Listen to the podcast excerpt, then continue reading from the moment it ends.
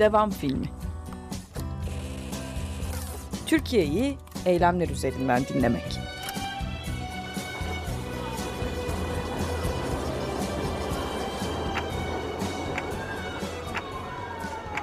Herkese merhabalar. Ben Seçil Türkkan ve Teknik Masa'da Burak Kılıç'la birliktesiniz. Medyapod Podcast ağının sizlere ulaştırdığı devam filmi Parantez serisinin bölümündeyiz bu kez.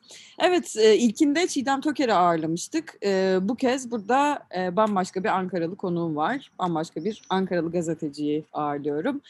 Gülsen Solaker'le beraberiz. Hoş geldin Gülsen. Hoş bulduk, merhabalar. Çok teşekkürler geldiğin için bu kayda bizimle beraber. Bize anlatacağın hikayeler için de şimdiden teşekkürler demek isterim. Rica ederim. Bu arada benim de ilk podcast yayınım olacak sizin sayenizde, sizin aracılığınızda. Şahane. Böyle bir şey vesile olmak da çok güzel bence. E, bu da sevindirici Kesinlikle. benim için. Aslında biz bu bu bölümde, e, bu burada, bu seride e, Ankaralı gazetecilik ya da Ankara gazeteciliğini biraz deşmek için konuklar ağırlıyoruz. O yüzden devam filmi parantez demiştik buraya. Dediğim gibi e, Çiğdem Toker ilk konuğumuzdu. Gülsen'le devam edeceğiz biz bugün. Ben müsaadenle biraz senden bahsetmek isterim senden önce Gülsen. Tabii ki. Evet Gülsen ODTÜ Uluslararası İlişkilerden mezun ve 1997-98 aralığında Milliyet Ankara ofisinde çalışıyor. E, ardından bir 12 yıl boyunca 98-2012 arasında Anadolu Ajansı e, diplomasi muhabirliğini yürütüyor. Uzun bir süre gerçekten. Ve 2012'den sonra da 2019'a kadar Reuters Ankara'da politika muhabirliğini yürütmüş. 7 yıldan bahsediyoruz burada da. Ve 2009, 2019'da Reuters'tan ayrıldıktan sonra da Reuters Ankara'dan ayrıldıktan sonra freelance olarak devam ediyor gazetecilik macerasına ve e, Deutsche Welle Türkiye'de de onun işlerini görmeniz mümkün bugünlerde de e, orasıyla da çalışmaya devam ediyor. Ben böyle anlatmış oldum. Senin ekleyeceğin bir şey olur muydu acaba? Evet bazı e, bazı detayları da var. E, ODTÜ'den sonra tabii ben ODTÜ Uluslararası, Uluslararası İlişkiler e, de okudum. Uluslararası İlişkiler diplomasi eğitimi aldım ama hiçbir zaman hani aklım Dışişleri Bakanlığı'nda ya da diplomaside değildi. Çok sevmek e, sevmekle beraber e, küçüklüğümden beri ben hep gazeteci olmak istemiştim. E, ve okul bitince de zaten bunun şartlarını zorlamaya başladım. İlk etapta da karşıma Uğur Mumcu Araştırmacı Gazetecilik Vakfı çıktı. O sıralarda Uğur Mumcu e, rahmetli olmuştu, öldürülmüştü. Üstünden bir 3-4 yıl daha yeniydi yani acısı çok tazeydi. Ve onun anısını yaşatmak da e, diğer gazeteciler için çok önemliydi. Burada da belki yine sizin podcast yayınının bir e, diğer özelliği. Ankara'daki çoğu e, meslek büyüğü abimiz bize Umumcu Araştırmacı Gazetecilik Ders e, Vakfı'nda gelip dersler verdiler. Ben orada bir iki üç ay önce bir e, burs bir çeşit, burs da sayılabilir tabii ki çok e, belli bir miktar para da veriyorlardı. Hem kendimizi geçindirmemiz için. 2-3 ay orada bu işin temel eğitimini aldıktan sonra çünkü ben iletişim mezunu değilim bir haber yazmayı falan bilmiyordum. E, orada işte meslek büyüklerimiz bize öğretti. Sonra gazeteleri bizi stajyer olarak dağıttılar. Ben e, bir diğer arkadaşımla beraber Milliyet Gazetesi'ne gittim. Bir normalde staj süremiz e, iki aydı. Sonra o uzadı. Bir yıl kadar ben Milliyet'te çalıştım. E, tabii orada çok fazla şey öğrendim. Çünkü Milliyet'te olduğum dönemde tam Milliyet'in Milliyet olduğu yıllardandı. Ankara bürosunda çok değerli insanlar vardı. Fikret Bile vardı. Mete abi, Mete Belavacıklı vardı. Diğer diğer şeylerde çok fazla vardı. Yani diğer alanlarda mesela diplomasi alanında Barçın vardı. Şimdi ismini hatırlayamadım. Çok sayıda insan e, vardı. Dediğim gibi Umutlu Gazetecilik Vakfı'ndan e, sonra staj için Milliyet Gazetesi'ne e, gittim bir diğer arkadaşımla beraber. iki aylık normal staj süresinden sonra da bir yıl kadar orada kaldıktan sonra Anadolu Ajansı'na geçtim. Orada diplomasi muhabirliğinde bir açık vardı. Ve Anadolu, Anadolu Ajansı'na da, girmek o zamanlar galiba e, sınavla mı? Benim zamanımda sınav yoktu. Bir diplomasi muhabirine ihtiyaçları vardı. Hı hı. E, ve e, benim meslek büyüğüm Barçın İnanç vardı. Şimdi de ekranlarda görebilirsiniz. Çok değerli bir gazetecidir. E, Barçın'ın e, vasıtasıyla e, Anadolu Ajansı'ndaki dış haberler müdürü olan kişiyle e, gittim, tanıştım. O da e, tamam gel bir ay sonra hatta bir ay da değil yani bir, bir, bir bir iki hafta sonra başla dedi. Herhangi bir sınava girmedim ben. Ki o zamanlar Anadolu Ajansı e, ANAP e, zannediyorum iktidardaydı eğer yanılmıyorsam. Ne herhangi bir torpilim vardı, ne herhangi bir hani tanıdığım vardı. Tamamen bir iş tanışıklığı sayesinde ve Barçın'ın referansıyla ben girmiş oldum. Zaten o zamanlar ama benden önce de zannediyorum Anadolu Ajansı'nda böyle bir sınav varmış. Ama ben sınavda girmedim. Daha sonra tabii bir 14 yıl hatta 15 yıla yakın Anadolu Ajansı'nda çalıştım. Oradaki yönetimin değişmesinin ardından da her ne kadar çok sevsem de ben asıl çünkü Anadolu Ajansı'nda bu işin temelini öğrendim diyebilirim. Oradaki yine meslek büyüklerimden öğrendim diyebilirim. Oradan da ayrıldım. Ayrıldıktan hemen sonra da zaten Reuters'a bir iş imkanı oldu. Önce geçici olarak girmiştim. Sonra uzadı. 6-7 yıla evrildi. Ve şimdi de böyle freelance e, çalışmaya tamam. çalışıyorum. Henüz alışabilmiş değilim tabii ki freelance çalışmaya. Bu Buraya arada. geleceğiz aslında. Peki bütün bunları düşündüğümüzde biraz da Anadolu Ajansı'nda o yönetimin değişmesinden de bahsettim. Belki bunları da katarak zaten bütün kariyerini de katarak aynı zamanda. Sence Ankara gazeteciliği kavramı nedir? Belki Buradan başlayabiliriz aynı zamanda. E, Çiğdem Toker e, mesela dedi ki bu biraz böyle İstanbul'dan bakışta, İstanbul merkezli konulmuş bir isimdir bana göre dedi. Ve sonra aslında bu meselenin merkezine de muhabirliği yerleştirmişti.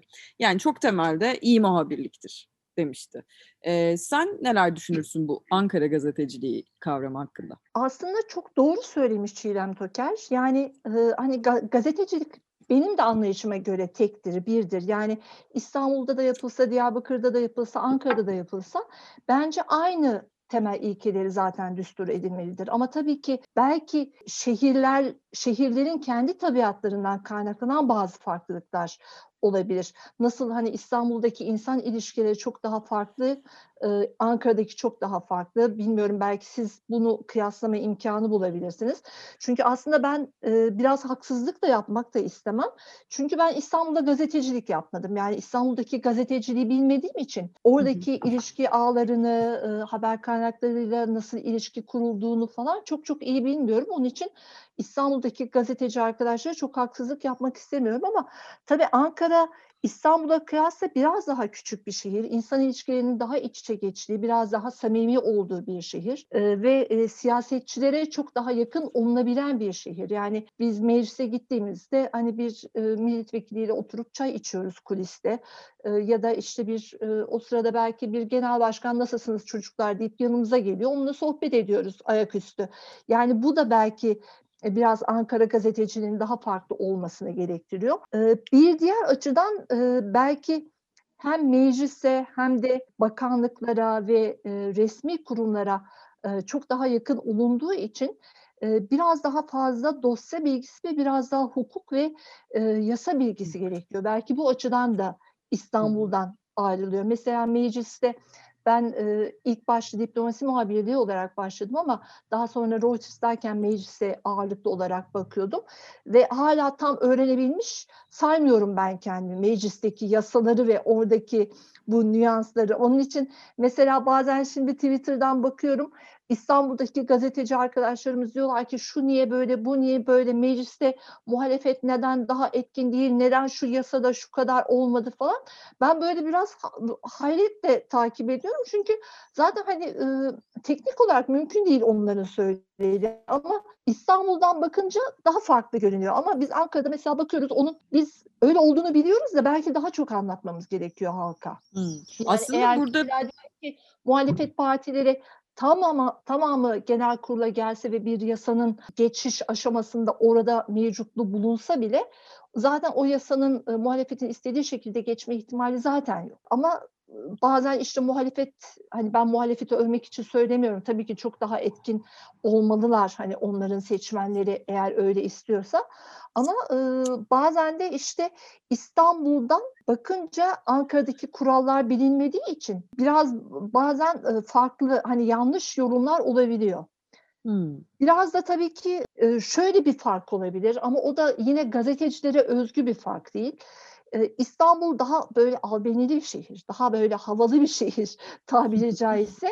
Dolayısıyla belki gazeteciler de daha havalı. Hani biraz daha İstanbul'daki gazeteciler biraz daha hani İngilizce celebrity tarzında da olabiliyor. Yani Ankara'daki e, gazeteciler mesela şimdi diyelim ki benden önceki konuğumuz işte Çiğdem Toker e, çok değerli bir insan bence hani e, ve gazeteciliği çok çok iyi yapıyor ama e, belki hani İstanbul'da olsa çok daha parlatılırdı ya da hani hı hı.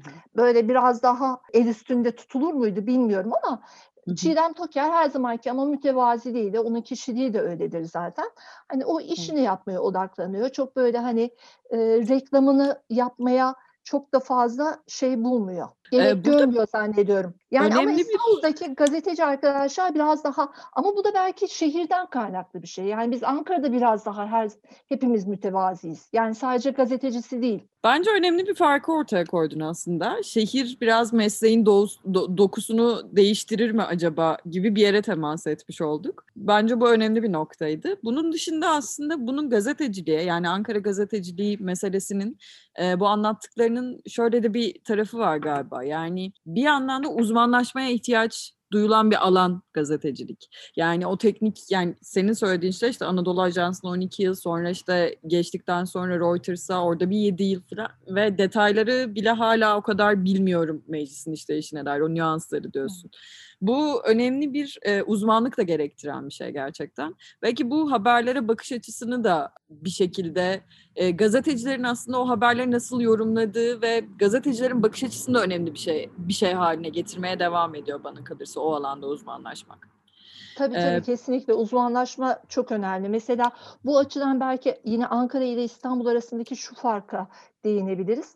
Ee, siyasi partilerin merkezleri de Ankara'da olduğu için bundan dolayı mesela ben mesleğe başladığımda her siyasi partinin birkaç tane muhabiri vardı. Şimdi tabii kadrolar çok daha daraldı, havuzlar oluşturuldu, gazeteler birbirleriyle paylaşıyorlar haberleri falan ama eskiden durum böyle değildi. Mesela bir partiye birkaç insan bakardı ve o partiyle mesafeyi ayarlamak çok zordur Ankara'da siyasi partiyle. Yani onu yap onu yapabilmek gerekir tabii ki ama bazen böyle o partinin partiyle arasını bozmak istemeyen gazeteciler belki o partinin aleyhine haberleri yayınlamakta çekinebilirler ama e, eskiden böyle şeyler mesela çok daha e, yanlış addedilirdi bizim meslek büyüklerimiz tarafından. Her zaman herkese eşit mesafede olunması gerekir e, diye söylenirdi. Bunu sadece hani iktidar partisi olarak da söylemiyorum. Muhalefet partisine de aynı şekilde bir muhabir yakın olabilir, mesafesini koruyamayabilir. Hı hı. Bu mesafenin işte bugünlerde biraz daha böyle zor korunduğuna şahit oluyoruz maalesef her açıdan. Ama bu da tabii ki genel bir bozulmadan e, kaynaklanıyor. Ama eskiden de yok muydu? Tabii ki eskiden de vardı. Ama eskiden e, bu mesafeyi koruyamayan gazeteciler e, biraz ayıplanırdı. Yani çok e, doğru bir şey yaptıkları e, söylenmezdi diğer meslektaşları tarafından. E, ne bileyim hani çok böyle e, el üstünde tutulmazlardı ama şimdi sanki o siyasi partilerle ne kadar yakın olunursa o kadar çok bilgi akışı oluyor sana. Bu sefer sen daha fazla el üstünde tutuluyorsun. Yani bu da biraz mesleğimizi e, kötüleştiren unsurlardan birisi maalesef son zamanlarda. Evet bu, bu bir bozulmaya da işaret aslında. Biraz önce de söyledim evet. o bozulmaya başladığı zaman ve yıllarla da ilgili bir şey. Yani aslında galiba bir, bir de etikten bahsediyoruz. Burada bu mesafeyi koruyamadığın zaman doğru bir bakış açısı yani e, her şey için geçerlidir ya bu bir mesafeden Tabii. bakmalısın ki aslında olanı objektif olarak aktarabilmek meselesi. Peki bu etiği tutturabiliyor olmak dedik bu bozulmaya.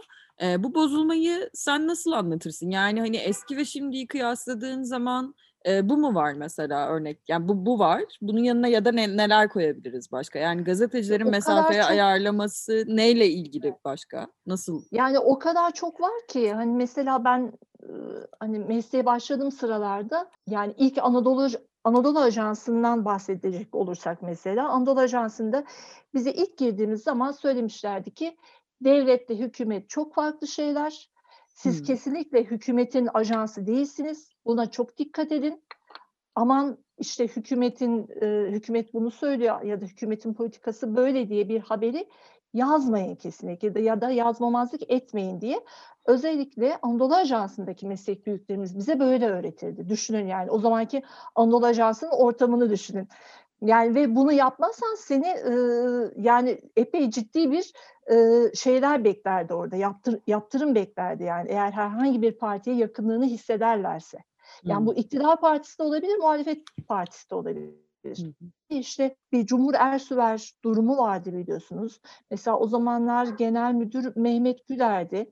Eskiden ANAP muhabiri olan bir isimdi ama özünde gazeteci bir isimdi. Ee, ve mesela Cumhur Ersüver hakkındaki dosyayı Anadolu Ajansı haber Yüce kadar gitti o konu.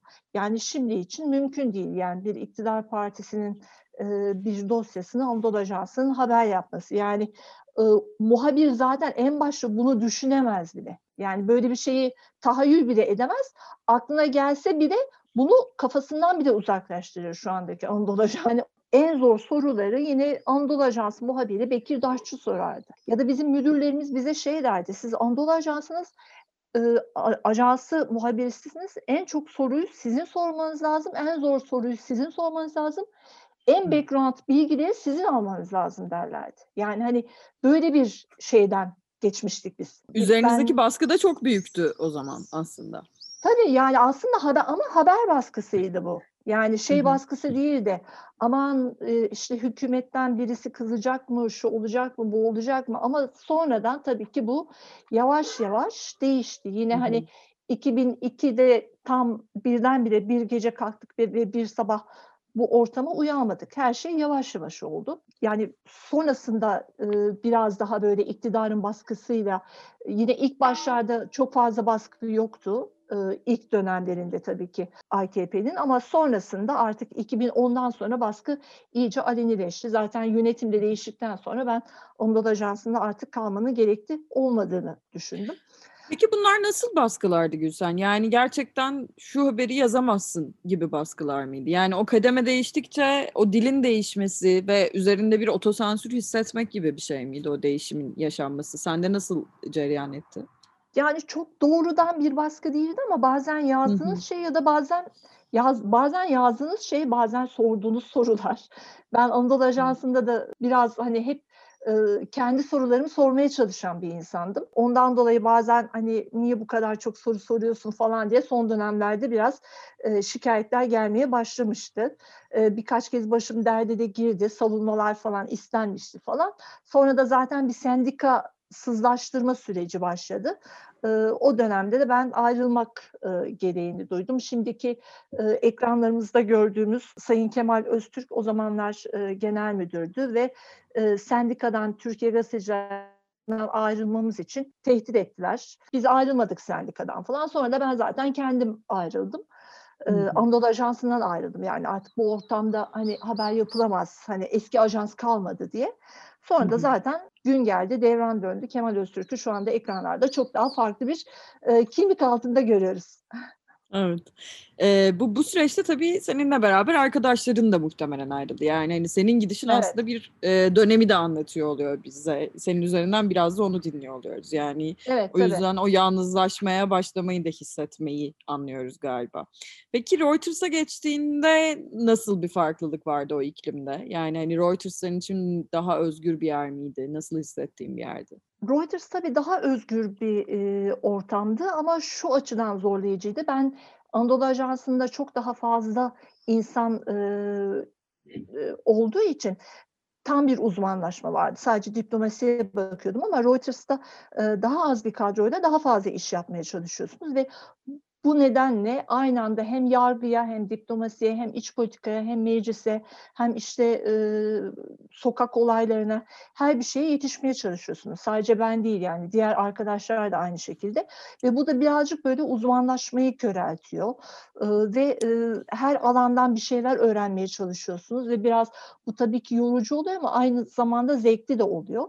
Ee, Biraz tabii Reuters Ankara'daki büroda da çok hani iyi bir ortamımız vardı. Çok sevdiğimiz arkadaşlar vardı. Bir şekilde hallediyorduk ama bu tabii ki zorlayıcı olabiliyordu. Özellikle mesela meclis gibi e, kendine has özelliği olan yerlerde hani yasaların geçiş süreci, o yasaların nasıl kabul edildiği, yasaları almak, komisyonları izlemek. Zaten meclis muhabirliği başlı başına e, çok ciddi bir alan. Orada yıllardır çalışan gazeteci arkadaşlar var ve hala da işlerini çok çok iyi yapan arkadaşlar var. Yani hani e, mecliste. Sadece bu hani muhalif gazetelerde olanlar değil. Mesela hani hükümete yakın gazetelerde de çok çok iyi muhabirler ve hala işlerini yapmaya devam ediyorlar. O açılardan biraz zorlayıcı oldu. Bir de tabii ki Reuters'ta şöyle bir zorlayıcılığı oldu. Mesafeyi hem daha iyi korumanız gerekiyor. Bir, bir açıdan da Reuters olarak üzerinizde bir etiket olmuş oluyor. Reuters muhabiri diye. Onun bir baskısı kesinlikle oluyor. Yani hani eskiden Anadolu Ajansı muhabiriyken çok fazla göze batmazken Reuters muhabiriyken yazdığınız her şey ya da söylediğiniz her şey ya da sorduğunuz soru mesela çok çok daha fazla göze batabiliyor. Hmm, çok daha zor gözükebiliyor evet, tabii. yani oradaki o tabii. mesele. Peki e, yani hani bu Reuters'tan da daha sonra ayrılıp aslında freelance bir dünyaya geçmiş oldun. Bu böyle bir tercih mi? Yani bütün bu çünkü şeyi söylemiş oldum bir taraftan da bu uzmanlaşmayı körelten bir tarafı var. Başka türlü bir durumu vardı Anadolu Ajansı'ndan. Freelance'ye geçmenin bu zorlayıcı süreçle ilgisi var mı? Yoksa bu böyle artık bu, bu dünya beni yordu deyip ayrıldığım bir süreç mi? Yok hayır öyle bir şey yoktur. Reuters o dönemde e, bir yeniden yapılanma içine girdi. Yani sadece Türkiye'ye özgü değil, bütün dünya çapında bir küçülmeye gitti. İşte aynı anda Rusya, İtalya, İspanya çok çeşitli ülkelerde bir e, kadro daraltılmasına o sırada hani içinde bulunduğum pozisyon kapatıldı. Yani politika muhabirliği pozisyonu kapatıldı. Dolayısıyla ben de ayrıldım ama tam o sırada zaten benim beklediğim de geldi. Yani çok e, her şey birbirine denk geldi. Ben emekli olarak ayrıldım Reuters'tan. Ama tabii ki Reuters'ın hmm. yeniden yapılanması olmasaydı yani o öyle bir gerek olmasaydı ben Reuters'ta yine devam ederdim. Hani bir zorluk olduğu için hani ayrılmış değilim açıkçası. Reuters'tan ya da Anadolu Ajansı'ndan sonra çalışacak çok fazla mecra yok maalesef. Keşke olsa Türkiye'de. E, Deutsche Welle Türkçe'de o sıralarda yine böyle freelance çalışma imkanı doğdu. Deutsche Welle Türkçe'de de çalışıyorum ama ben freelance e, çalışmaya çok fazla yat, e, alışamadım. Hala alışamadım. Üç yıl oldu. İtiraf ediyorum hala alışabilmiş değilim. E, belki iyi yanların, e, belki işte o da yine Ankara ve İstanbul arasındaki farkı ortaya koyması açısından önemli olabilir mi bilmiyorum ama Ankara'da sabah toplantıları olsun, bir diğer arkadaşlarınla gündemi konuşmak olsun gazetecinin olur aslında. Yani sabah gidersin, poğaçaları alırsın, haber toplantısına girersin. Haber toplantısında bir ortak akılla karar verirsin. Ne olmuş, ne bitmiş, günün dedikodusunu yaparsın.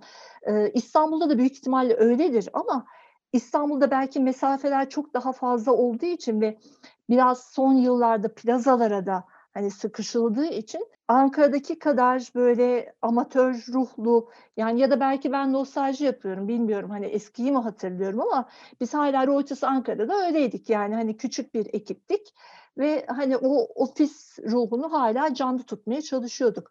Onu hala özlüyorum. Freelance çalışmanın öyle bir sıkıntısı var benim açımdan. Yani ben hala o eski çalışma ortamını özlüyorum açıkçası. Aslında burada şöyle bir şeye de temas ediyoruz belki konuşurken. Haber merkezi demek ve e, yani haber merkezi dediğimiz şey tek başına bir ofis değil aslında. Yani herkesin hem cebindekileri döktüğü hem birbirinden beslenmeye devam ettiği hem de öğrenmeye devam ettiği bir şey. E, dolayısıyla Tabii, biraz bunun yokluğuna da temas ediyor bana kalırsa söylediğin şeyler. Yani gazetecilik bir yandan tek başına yapılabilecek bir meslek olmakla beraber e, bana kalırsa hep e, bir bir destekçiye, bir topluluğa, yanında birilerine ihtiyaç duyduğun bir meslek gerçekten. Yani hem kendi fikirlerini Tabii. sürekli süzgeçten geçirmek için hem de yeni şeyleri öğrenmeye devam etmek için belki de. Yani belki işte bu son bir, bir buçuk yıldır Covid nedeniyle hepimiz evlere kapandık. Evet. Hani çok böyle e, hani çıkabilecekken ben çok gerekli olmadığı müddetçe çıkmamaya çalışıyorum. Hani sürekli basın kartım var ama hani e, gidip diğer arkadaşlar hani mecburen çalışan arkadaşların yanında böyle gidip onların oksijenlerini, temiz havasını tüketmeyi hani çok doğru bulmuyorum. Onun için mesela meclise falan daha az gidiyorum ama kesinlikle o söylediğinde haklısın. Gazetecilik evde ben genç arkadaşlara da söylüyorum. Evde tek başına böyle Twitter karşısında, ekran karşısında yapılacak bir meslek kesinlikle değil. Öyle olmamalı. Yani çünkü hani sonuçta belki artık teknoloji çok gelişti. Artık Zoom'dan yapıyoruz bunu. Twitter var, işte sosyal medya var. Zaten siyasetçiler şeyden sesleniyorlar ama mesela bir e, meclise gidip kuliste bir e, siyasetçiyle çay içtiğinde sana e, çok çok daha farklı bir yüzünü gösterebiliyor. Çok daha farklı bir şeyler söyleyebiliyor. Yani bizim mesela ekranlardan ya da sosyal medyadan gördüğümüz siyasetçiyle belki çok çok daha farklı bir adam aslında ama partisinin bulunduğu çizgi nedeniyle ya da kendi gösterdiği çizgi nedeniyle çok daha farklı şeyler söyleyebiliyor ekranda. Peki bu Yani gazetecinin bakış açısına Gerçek haberi Pardon. gerçek haberi görmek açısından pardon o yüz yüze temas e, çok Hmm. çok daha önemli. Bu gazetecinin bakış açısına nasıl bir katkı sağlıyor peki sence sana kalırsa? Aslında biraz böyle başında konuştuğumuz şeye de dönmüş oluyoruz burada. Nasıl bir artı? Yani iç yüzünü biraz daha iyi aktarabilmek mi benim aklıma ilk gelen şey? Senin gözlemin nedir mesela? Tabii öyle. Mesela şimdi e, biz Reuters'ta da yapardık onu. Bir hani bir şey yazıyoruz ama onun background'u nedir? Yani arka planında neler var? Onu da bir habere eğer yazmak, eğer haberinin formatı o öyleyse, eğer bir hani ajans haberciliği yapmıyorsan, haber formatın öyleyse bir makale yazıyorsan ya da bir şey yapıyorsan işin iç yüzünde aslında e, neyin olduğunu bilmek çok daha önemli. Yani bir kişinin bu açıklamayı neden yaptığını, arkasında ne olduğunu bilmek de ancak belki o kişiyle yüz yüze konuşarak mikrofon yani e, teypler kapatıldığında ya da işte kameralar kapatıldığında e, sana söyleyebileceği bir şey. Çünkü e, hani off the record denilen bir şey var sonuçta. E, kayıt dışı belki çok çok daha farklı şeyler söylüyor. Sen bunu belki onun e, ağzından yazamıyorsun ama e, haberine bir şekilde bunu sindiriyorsun ve böylelikle okuyucuyu çok çok daha doğru yönlendirmiş oluyorsun. Bu sindirmek meselesi bence çok kıymetli gerçekten. Aslında Ankara gazeteciliğinin de bence her zaman sağladığı bakış açısı bu oluyor. Yani evet direkt o ağzından e, öğrenmiş değilsin ama aslında işte bir Ankara gazetecisinin yazdığı bir şeyi okuyorsan, bir kulisi okuyorsan ya da bir haberi okuyorsan e, o sinmişliği hissediyorsun hakikaten onun içinde. Yani bu fark da hakikaten dinleyicilerin herhalde gözünden kaçmayacak bir şeydir. E, şimdi en azından onun notunu düşmek lazım belki.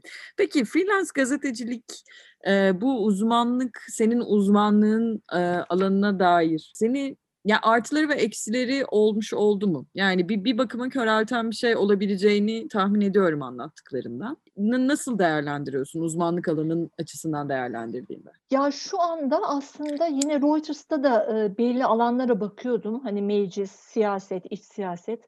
Çünkü dış politikaya başka arkadaş bakıyordu.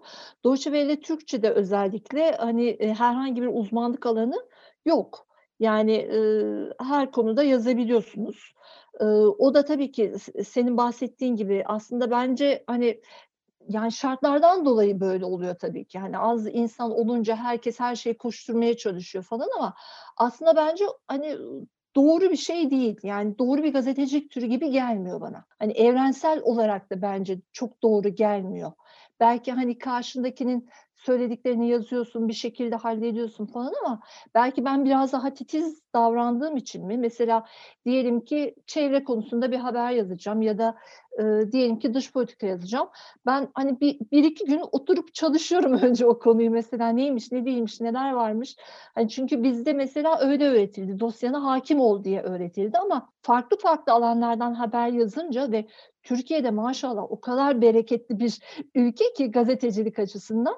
Yani dosyaya bir türlü hakim olamıyorsun. Kaçırıyorsun yani o gelişmeleri hakim olamıyorsun. Yani 24 saat haber takip etsen yine bu o, hakimiyetin azalıyor. Yani ikizleriyle ilgili bir haber yazacaksan mesela bundan öncesine de bakmak gerekiyor. Diğer çevre haberlerine, diğer işte HES'lere ve onların hepsini okumak gerekiyor ve eğer senden dar bir zamanda bu haberi çıkarmanı istiyorlarsa tabii ki biraz böyle yüzeysel bir haber çıkıyor. Ama biraz daha böyle sindirerek yazayım istiyorsam biraz emek harcamak ve zaman harcamak gerekiyor. O da aslında uzmanlaşma gerektiren bir şey. Ama tabii yine Deutsche Welle Türkçe'de de hani yine kendi alanında uzmanlaşan arkadaşlar var. Yani belli bir alanda hani e, yazanlar var. Onu biraz da kişinin kendisi de sağlıyor tabii ki. Evet. Yani ama bir de galiba şeyi burada not düşmek gerekiyor. Tam da belki Türkiye'de dedik ya bol gündemli bir ülke diye. Eee, uzmanlaşma tam da Türkiye'de gerekiyor belki. Ama Evet. bunun da aksine eee, eridiği bir çağdayız. Yani Ankara gazeteciliğini konuşurken örneğin işte Ankara bürolarının eee, kapatıldığı, muhabirlerin gerçekten o işten o işe sürüklenmek zorunda olduğu, pek çok kademe atlamak zorunda olduğu. Yani senin kariyerine baktığımda mesela aslına bakarsan böyle çok temelde işte üç tane nokta görüyoruz ya işte Anadolu Evet. Ajansı, Milliyet, işte Reuters gibi. Benim etrafımdan da hissettiğim, benim de içinde olduğum bu gazetecilik döneminde bu çok mümkün değil mesela. Yani bir kariyere üç yer sığdırmak e, bana kalırsa şahane bir şey. İ- iyi bir şey yani hakikaten. Evet. Ama böyle gazeteciler o kadar çok yerden o kadar çok yere savrulmak zorunda kalıyor ki bu dönemde Evet maalesef. Ne bir yere ayak uydurabiliyorsun, ne bir yerde kalabiliyorsun uzun süre. Kalabilsen işte başka bir şey çıkıyor filan derken e, bu bu garip bir aşınma meslekte benim hissettiğim. Gerçi aslında belli bir aşamadan sonra mesela hep aynı alanda kalmak da iyi bir şey değil. Yani o da bir, bir noktadan sonra körleşme yaratır. Mesela işte e, biz Ankara'da buna çok rastlarız. Eskiden daha çok rastlardık. Şimdi daha az da. Mesela polis muhabirleri polis gibi olurdu. Ee, siyasi parti muhabirleri o partinin elemanı gibi olurdu bazen. Mesela yargı muhabirleri avukat ya da savcı gibi olurdu. Çünkü gerçekten çok iyi bilirlerdi ve o havada ona mesela biz diplomasi muhabirlerine hep monşer derlerdi. Hani diplomasi muhabiri yani biraz diplomatlarla haşır neşir olmaktan dolayı hani Dışişleri Bakanlığı'na gidiyorduk. Sonuçta öyle giyiniyorduk, öyle davranıyorduk. Terminolojimiz öyle kelimelerden oluşuyordu. Bir noktadan sonra tabii ki o alanları değiştirmek de şart belki. Hani çünkü bir noktadan sonra e, körleşme yaratıyor. Eğer bir siyasi partiye sürekli bakıyorsan orada haber olacak şeyi bir noktadan sonra gör, görmemeye başlıyorsun. Çünkü aşinasın artık o, o şeye. E, yeni bir insan belki çok daha farklı bir soluk getirebilir. Ama tabii ki bir gün siya, iç siyaset, bir gün diplomasi, bir gün çevre, bir gün yargı yazmak da çok böyle mantıklı bir, bir şey gelmiyor bana. Yani ya, ya da yaparsın tabii ki yapılır. Yapılmayacak Hı hı. bir şey değil ama hani çok böyle derinlemesine yapılmaz tabii ki. Biraz yüzeysel yapılır maalesef. Evet. Evet zamana ihtiyaç duyuyor aslında biraz yani böyle şeyler gerçekten. Evet anlarsın muhakkak o gazeteci gözü bir yandan da yok olmaz ama biraz zamana ihtiyaç duyuyor ama altın çizdiğin diğer şey de önemli kıymetli bir noktaydı bana kalırsa. Peki son sorumuz olsun. Demek isteyeceğin, anlatmak isteyeceğin bir anı olur mu? Bizim Ankara gazeteciliği, Ankara dünyasına Hı. dair unutamadığım bir röportaj, soru, söyleşi. Evet. Ya aslında hani çok fazla şey var da mesela belki Ankara gazetecinin e, biraz daha örnek e, vermek gerekirse e, Cumhurbaşkanı Erdoğan'la bir e, yaşadığımız şeyi e, anlatabilirim. Bu e, bir dönem tam yılını hatırlamıyorum şimdi. O zamanlar Reuters'taydım ama e, kızlı erkekli ev meselesi vardı.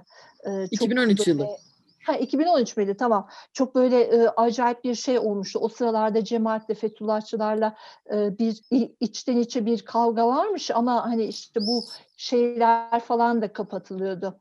E, dershanelerin falan tam kapatılma süreci ama tam henüz adı konmamıştı o kavganın. Biz de tam nedir anlayamamıştık daha. E, o işte kızlı erkekli ev meselesi e, de ortadaydı e, havaalanında Cumhurbaşkanı Erdoğan bir yere gidiyordu. O zamanlar basın toplantıları çok daha geniş katılımdaydı. Orada Erdoğan bir açıklama yaptı. Dedi ki kızlarla erkeklerin aynı evde kalmaları işte hani bizim açımızdan mümkün değil. Biz buna engel olacağız. Bu gerekirse evlere baskın mı düzenleyeceğiz? Öyle bir cümle kullandı. Tam şimdi çok net yanlış da söylemeyeyim, haksızlık da yapmayayım. Yani o evleri bir şekilde müdahale edeceklerini söylemeye çalıştı. O zaman ben mesela çok hani teknik yani benim açımdan çok teknik bir soruydu. Yani mesela diyelim ki siz Seçil Hanım, Seçil Hanım'ın evine e, nasıl gelecek mesela? Hani yasal altyapısı nedir bunun? Ben bunu sormaya Hmm. çalış, çalışmıştım mesela. Hani bunun için bir hazırlığınız var mı? Siz bu evlere nasıl gireceksiniz? İnsanların kişisel konutları, hani bunun için bir yasa ya da bir e, teknik altyapı gerekmez mi? E, diye bir soru yöneltmeye çalıştım ama bunu o zaman Erdoğan tabii ki çok daha farklı algıladı. Biraz sinirlenmişti bana. E, sizin kızınız olsa e, bir erkekle aynı evde kalmasına izin verir misiniz gibi bir e, şeye döndü. Ben orada ben dedim soru hani şey muhatap ben değilim hani ben hani bu amaçla sormuyorum falan demeye çalıştım ama yine de bana epey bir sinirlenmişti hatırlıyorum bunu. Wow. wow. Yani bu arada aslında tam olarak mesleğin yani mesleğin sorgulanmasına dair bir şey. Çünkü çok teknik bir şeyi. Aslında arkasından haber çıkabilecek bir şeyi soruyorsun. Ki sonra da zaten onu yapamadılar. Çünkü onun hani şeyi yok. Hukuki altyapısı yok. Yani mesela belki hani bir Ankara gazetecisi olmanın bir Evet. farkı o. Yani orada hani benim amacım gerçekten hani Erdoğan'ı Bunu sormak. sinirlendirmek ya da şey değildi. Hani ona karşı gelmek değildi. O öyle algıladı ama ben gerçekten bunun hukuki altyapısı nedir? Nasıl yapacaksınız bunu? Ha. diye sormuştum ama tabii Evet. ki belki o farklı algıladı. O sıralarda bir de tabii cemaatle bir de kavga da gündemde olduğu için belki bu da hani değişik bir anı olarak gündeme Bence gelebilir. bence iyi bir anekdot gerçekten. Ee, yani hani bir yandan hakikaten arkasından haber çıkabilirdi. Dönüp evet bununla ilgili bir yasa hazırlığı yapıyoruz deseydi mesela o tartışma bambaşka bir yere sürüklenirdi muhtemelen. Yani bambaşka Tabii. bir tartışma açabilecek, gündemi genişletebilecek bir soru.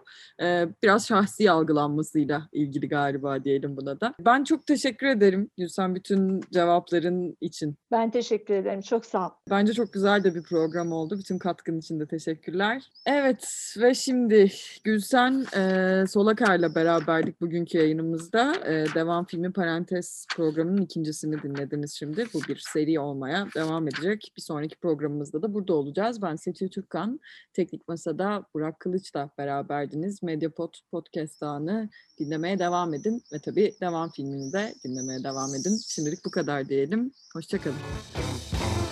Bu bir podcast dahadır. Mediapod. İletişim için mediapod.com ya da @mediapod.